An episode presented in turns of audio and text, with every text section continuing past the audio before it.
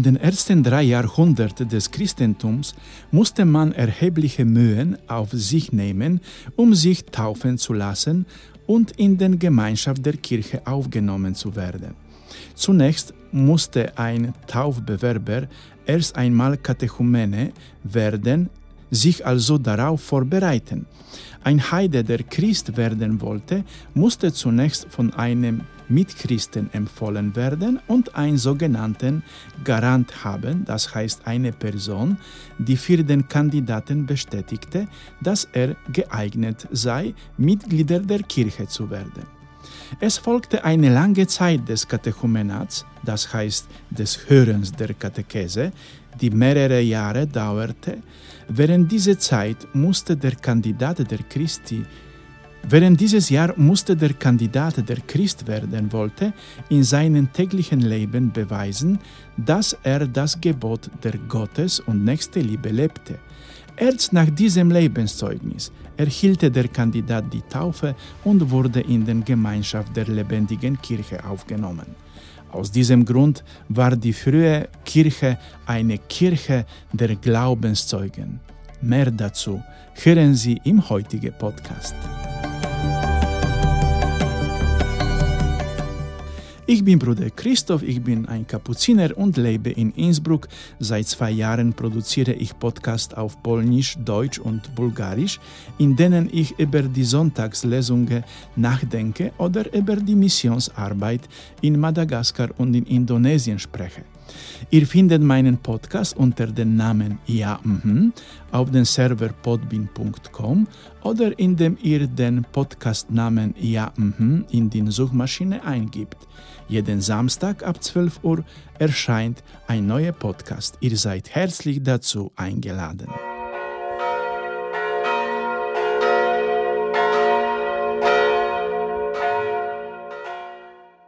Die ersten Jahrhunderte der Christentums waren für die Kirche im Römischen Reich eine Zeit des Wachstums, aber gleichzeitig auch eine Zeit großer Verfolgung und des Martyriums für viele Anhänger Christi.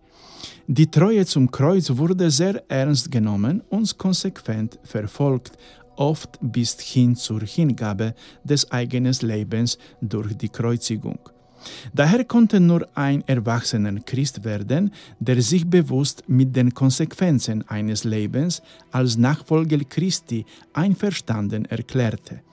Es sind diese Konsequenzen, von denen Jesu in heutige Evangelium spricht. Wenn man heute die Krise der Kirche in Europa sieht, wird man sagen, ja, dass die Kirche in Niedergang begriffen ist, weil wir bereits kleine Kinder statt Erwachsene taufen. Und Kinder sind sich der Gabe des Glaubens, der Taufe, die sie erhalten haben, noch nicht bewusst. Der Glaube der Kirche wird definitiv von den Familien bestimmt, in die das Kind hineingeboren wird, nicht vom Kind selbst. Es sind die Eltern, die im Namen der Kinder den Glauben bekennen und die Paten fungieren als Garanten, wie ich eingangs erwähnte.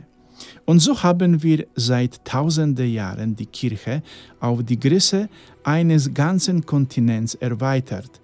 Aber statt Zeugen des Glaubens und Zeugen des Evangeliums Jesu haben wir Millionen von Gläubigen hervorgebracht, die nur auf dem Papier Christen sind und in ihrem täglichen Leben kaum Spuren der Zugehörigkeit zu Christus zeigen.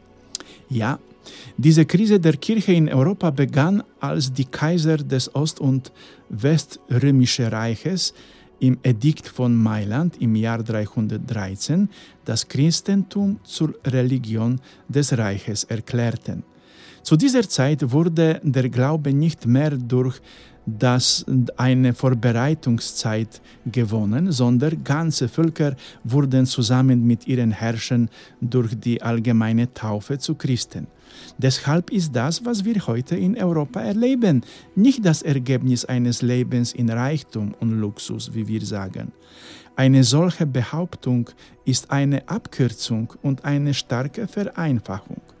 Die Krise der Kirche ist das Ergebnis des fehlenden Katechumenats, das heißt der Erfahrung des Glaubens im täglichen Leben.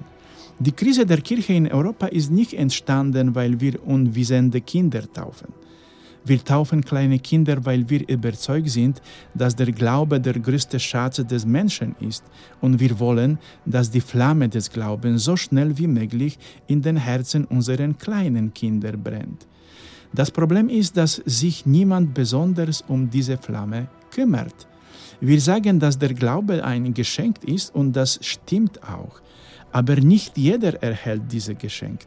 Ich kenne Menschen, die sehr gerne glauben würden, aber die Flamme des Glaubens ist in ihren Herzen nie entzündet worden. Um es klar zu sagen, ich bin sehr für die Taufe von Kleinkindern. Das Problem ist, dass die Eltern, die den Glauben weitergeben und bewahren sollen, nichts weitergeben können, weil sie selbst keine Glaube haben. Deshalb ist die erste Lesung aus dem Propheten Jeremia für einen Menschen, der keinen lebendigen Glauben hat, völlig unverständlich. Jeremia spricht davon, dass er Gott ganz und gar liebt und dass er wegen dieser Liebe alle Verfolgung und den Spott der Ungläubigen erträgt. Während Jeremia den Willen Gottes in seinem Leben erfüllt, muss er anstatt von der Freude und zu berichten, die er aufgrund seiner Liebe zu Gott erfährt, ständig das auserwählte Volk für seine Untreue kritisieren. Aus diesem Grund wird er beleidigt. In der Zeit der frühen Kirche konnte, wie ich bereits erwähnt habe, nur ein Erwachsener den Glauben annehmen. Wenn wir also in der Apostelgeschichte lesen, dass alle im Haushalt leben, äh, lebenden Angehörigen eines Würdentragers von den Aposteln die Taufe empfingen, das waren das immer Erwachsene. Die Kinder mussten erst erwachsen werden, um wie ihre Eltern Christen werden zu können. Bevor diese Kinder jedoch erwachsen wurden, waren die Jahre ihrer Jugend in der Familie von Geist des Evangeliums durchdrungen. Diese Kinder sahen, wie ihre Eltern und alle Angehörigen im gemeinsamen Haushalt die Werke der Barmherzigkeit lebten.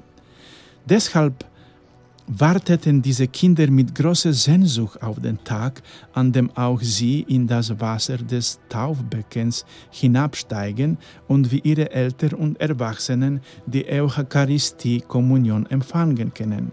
Das christliche Haus von Sklaven bis zum Herrn gelebt aus dem Geist des Evangeliums. Wenn Sie die Gelegenheit haben, ein altes Kloster zu betreten, in dem noch immer Mönche oder Nonnen leben und beten, werden Sie das Gefühl haben, als ob Jahrhunderte des ständigen Gebets in den Mauern des Klosters darin weiterlebt. So war es auch in den Häusern der Christen der ersten Jahrhunderte. Wenn man ihre Häuser betrat, hatte man das Gefühl, in einer anderen Welt zu sein. Und das ist es, was unseren Familien in Europa fällt. Wir leben nicht von Glauben und schon gar nicht von Gott. Wir flüssen der jungen Generation nicht den Wunsch ein, mit Gott in Gemeinschaft zu sein. Der Glaube und die Angelegenheiten des Glaubens werden in unserer Familie nicht gelebt. Kinder wachsen in christlicher Familie auf, aber ohne Gott. Gott ist in Betonwänden eingeschlossen, die Kirchen genannt werden. Und ein Gebäude ist allein keine Kirche. Ein Gebäude wird zur Kirche, wenn eine lebendige Kirche es erfüllt und belebt. Wenn Gott und die Dinge des Evangeliums nicht von Generation zu Generation gelebt werden, ist es klar, dass der Glaube von Generation zu Generation aussterben wird. Liebe Brüder und Schwestern, ich sage das nicht, um euch zu kritisieren, sondern um in euch den Geist zu entfachen, diesen Zustand zu ändern. Die Familien lebt Gott nicht mehr wie in den Tagen der früheren Kirche. Das ist der erste Sieg des Satans. Jetzt greift der Teufel die Familie als solche an, das heißt, wenn es ihm gelingt, die Institution der Familie, wie wir sie kennen, zu zerstören, werden wir die nächsten Generationen verlieren. Es geht nicht um die Zahlen der Kirche, sondern um die Qualität und das Bewusstsein des, Glaubens. Wenn man ein katholisches Haus in Indonesien betritt, sind die ersten Bilder, die einen ins Auge fallen, ein Kreuz oder ein Bild der göttlichen Barmherzigkeit von Schwester Faustina. In jedem Zimmer gibt es irgendein heiliges Bild. Familienfotos zeigen die Mitglieder bei einem Ereignis in ihrem Pfarrei oder einem anderen Wallfahrtort. In christlichen Familien in Indonesien scheint die Gegenwart Gottes in ihrem Leben an jedem Ort durch. In diesem Land der tausend Inseln, in dem die meisten Muslime der Welt leben, hängt in jedem Restaurant, das einen Christen gehört, ein Kreuz und keiner der Muslime fühlt sich davon angegriffen. Deshalb gibt es auch keine Krise der Kirche in Indonesien, auf den Philippinen, in Vietnam oder Südkorea. Wenn dort jemand sagt, dass mit Gottes Hilfe etwas geschehen wird, mit Gottes Willen, ist er tief davon überzeugt. Europa selbst hat sich freiwillig von Gott losgesagt indem es sich von der christlichen Inspiration in seiner Geschichte und Kultur losgesagt hat. Deshalb wird die Kirche in einem solchen Europa krank und sterben sein. Denn ohne Gott gibt es keine Zukunft, sagte Papst Benedikt XVI. im Bundestag. Wer von den Europäern will heute auf einen Heiland hören, der von Selbstverleugnung spricht und davon, dass man das Kreuz tragen muss? Wer keinen Glauben hat, keinen lebendigen Glauben, für den ist eine solche Lebensweise unannehmbar. Wenn du keinen lebendigen Glauben lebst, lieber Bruder und liebe Schwester, dann halte dir die Ohren zu, wenn du dieses Evangelium liest, denn diese Worte Jesu werden für dich ein Skandal sein. Jeder neue Tag des Lebens, lieber Bruder und liebe Schwester, ist ein weiterer Tag der Annäherung an Jesus und seine Kirche oder ein weiterer Tag der Abkehr von ihm. Entscheide dich und wähle gut. Amen.